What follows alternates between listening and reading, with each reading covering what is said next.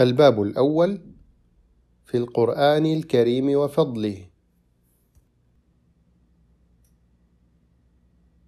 الفصل الأول تعريف القرآن الكريم وكيفية وصوله إلينا.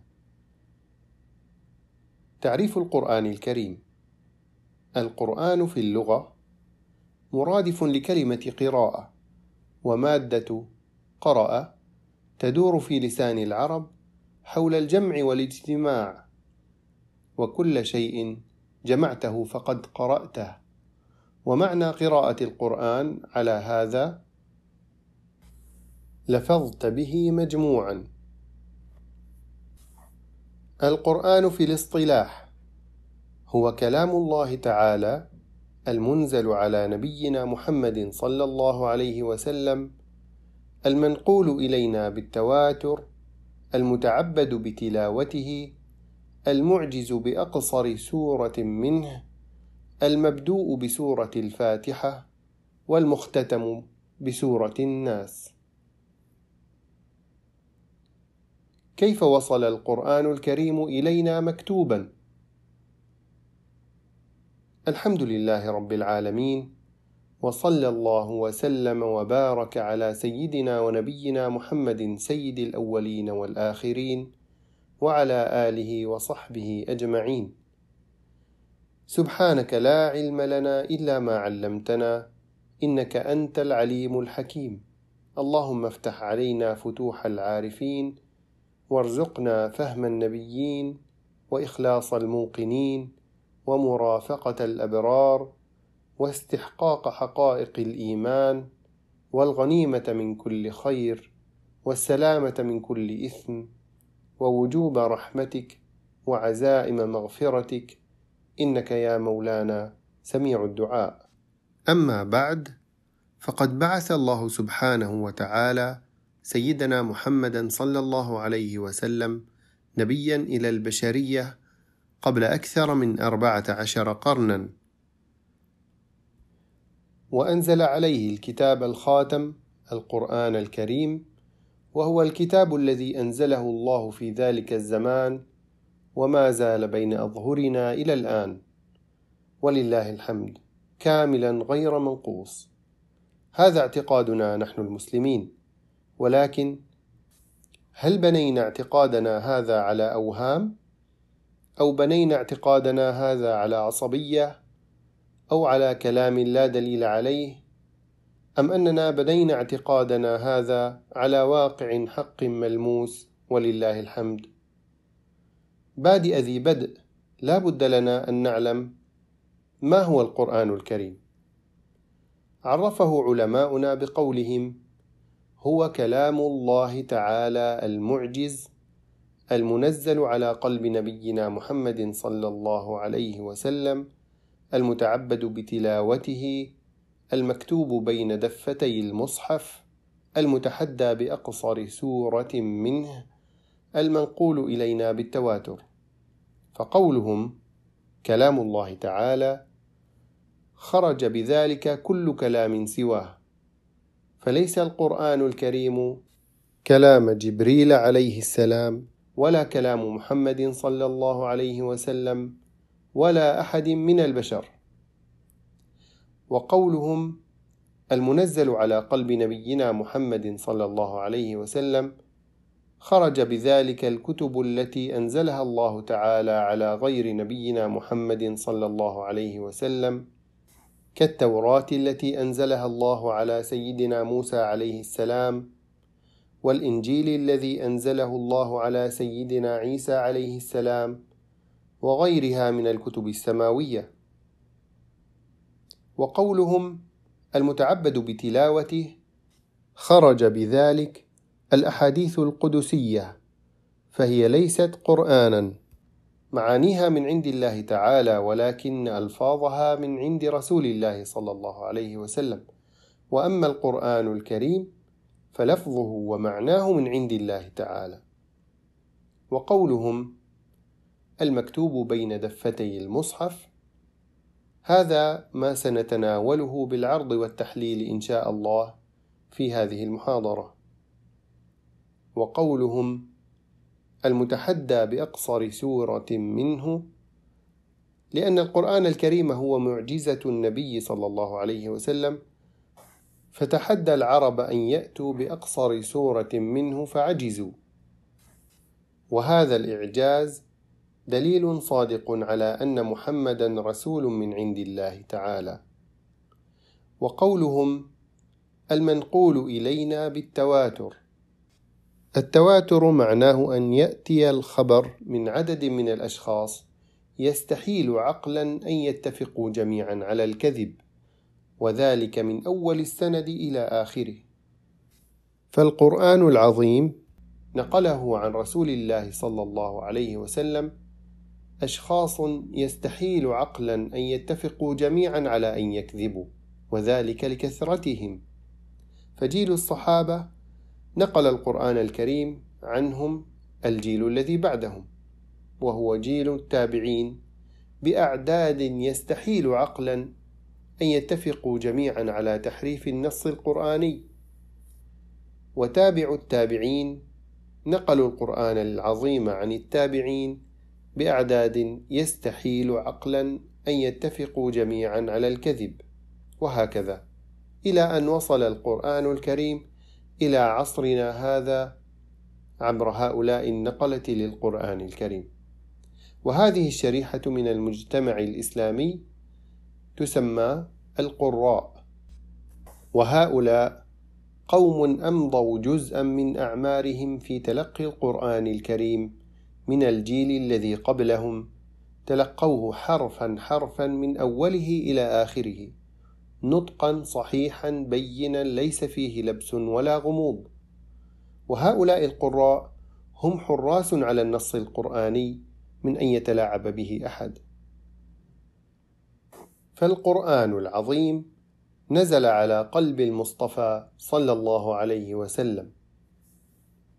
قال تعالى نزل به الروح الأمين على قلبك لتكون من المنذرين.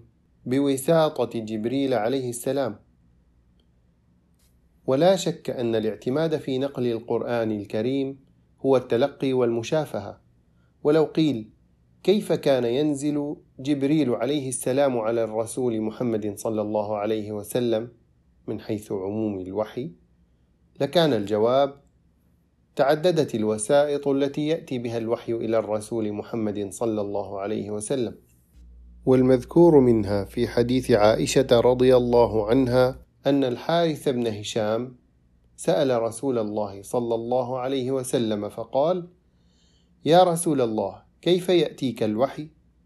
فقال رسول الله صلى الله عليه وسلم أحيانا يأتيني مثل صلصلة الجرس وهو أشده علي فيفصم عني وقد وعيت عنه ما قال. وأحيانا يتمثل لي الملك رجلا فيكلمني فأعي ما يقول. قالت عائشة ولقد رأيته ينزل عليه الوحي في اليوم الشديد البرد فيفصم عنه وإن جبينه ليتفصد عرقا. وفي لفظ له كل ذلك. يأتي الملك أحيانا في مثل صلصلة الجرس. قال ابن حجر فقوله كيف يأتيك الوحي? يحتمل أن يكون المسؤول عنه صفة الوحي نفسه ويحتمل أن يكون صفة حامله أو هو أعم من ذلك. وقوله كل ذلك يأتي الملك أي كل ذلك حالتان والمقتضى المنهجي لذلك غرس الاطمئنان على دقة نقل الوحي القرآني من حيث مجيئه في صورة محسوسة فلا لبس فيها أولا ولا يتطرق القادح إليها بسبب الخفاء ثانيا بخلاف الإلهام في كل ذلك حيث يمكن ادعاء ذلك فيه لخفائه. كيفية مجيء جبريل عليه السلام إلى النبي صلى الله عليه وسلم عند تلقينه الوحي القرآني. من خلال تتبع الوصف القرآني لتلقي جبريل عليه السلام الوحي القرآني من الله تبارك وتعالى وكيفية نزوله إلى النبي صلى الله عليه وسلم يتبين الآتي: يسمع جبريل عليه السلام من الله تبارك وتعالى الوحي الذي ينزل به.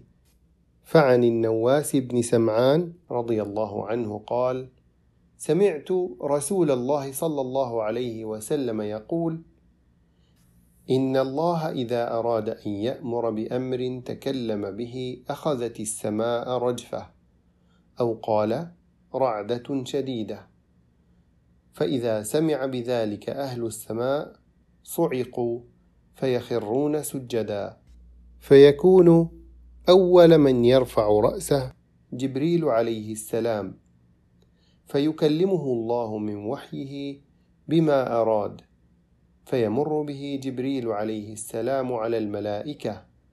فكلما مر بسماء سألته ملائكتها ماذا قال ربنا؟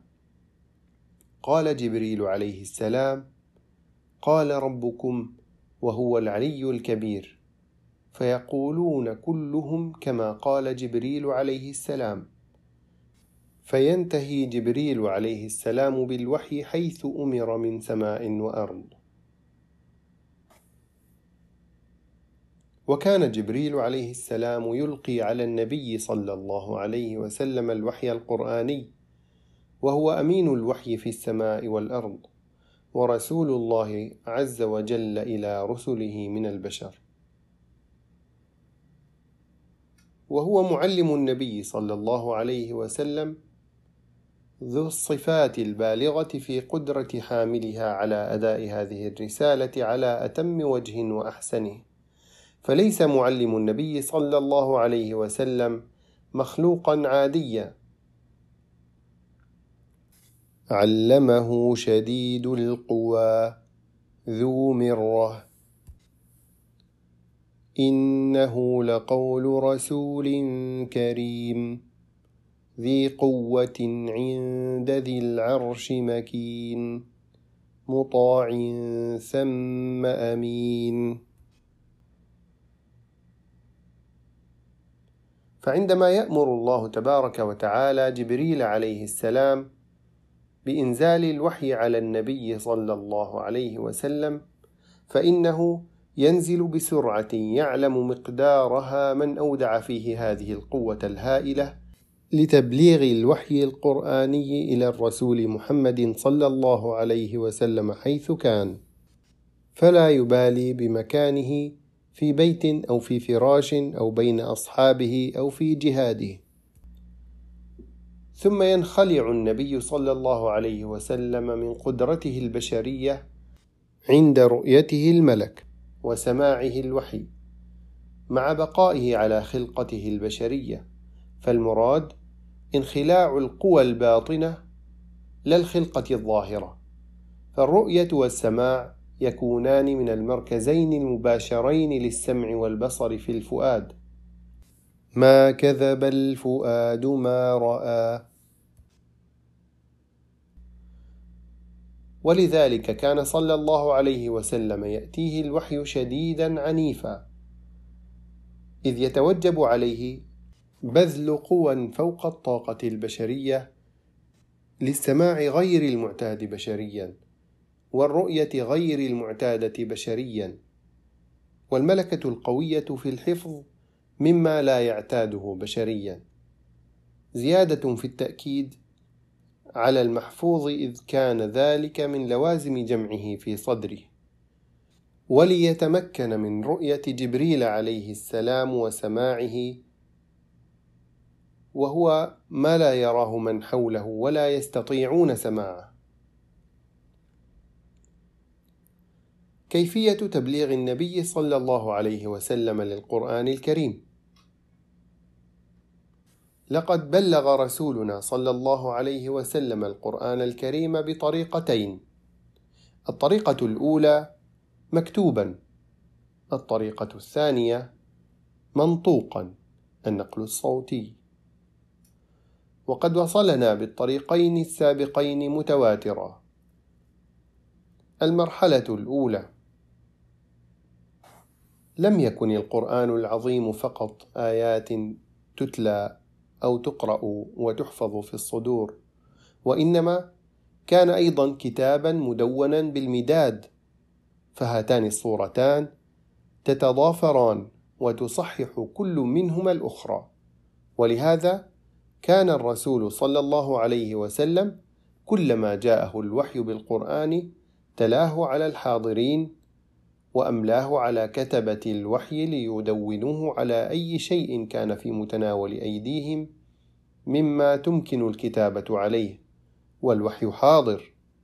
قال تعالى ولو تقول علينا بعض الأقاويل لأخذنا منه باليمين ثم لقطعنا منه الوتين.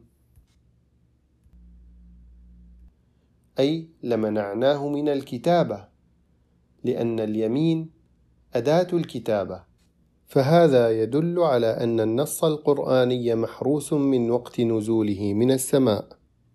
وقد يقول قائل إن محمدا كان أميا لا يعرف القراءة ولا الكتابة. فنقول ولكن جبريل عليه السلام حاضر وموجود. ثم أليس رسول الله صلى الله عليه وسلم مبلغا عن ربه فلو أن كاتبا بدل كلمة بأخرى هل سيتركه الله عز وجل؟ وهل سيتركه جبريل عليه السلام؟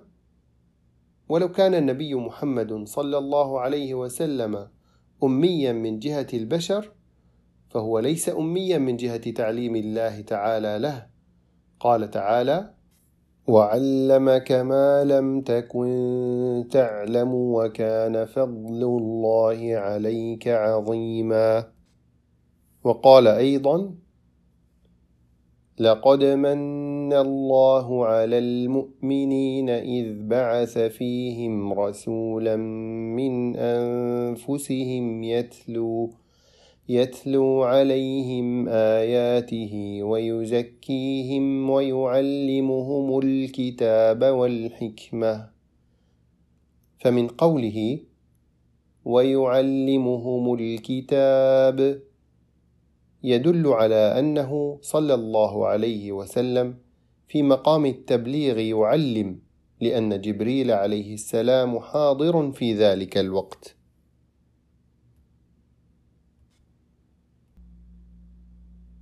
فإذا انفض المجلس وقام رسول الله صلى الله عليه وسلم كان راضيا عن تلك القطع التي كتبت بين يديه صلى الله عليه وسلم.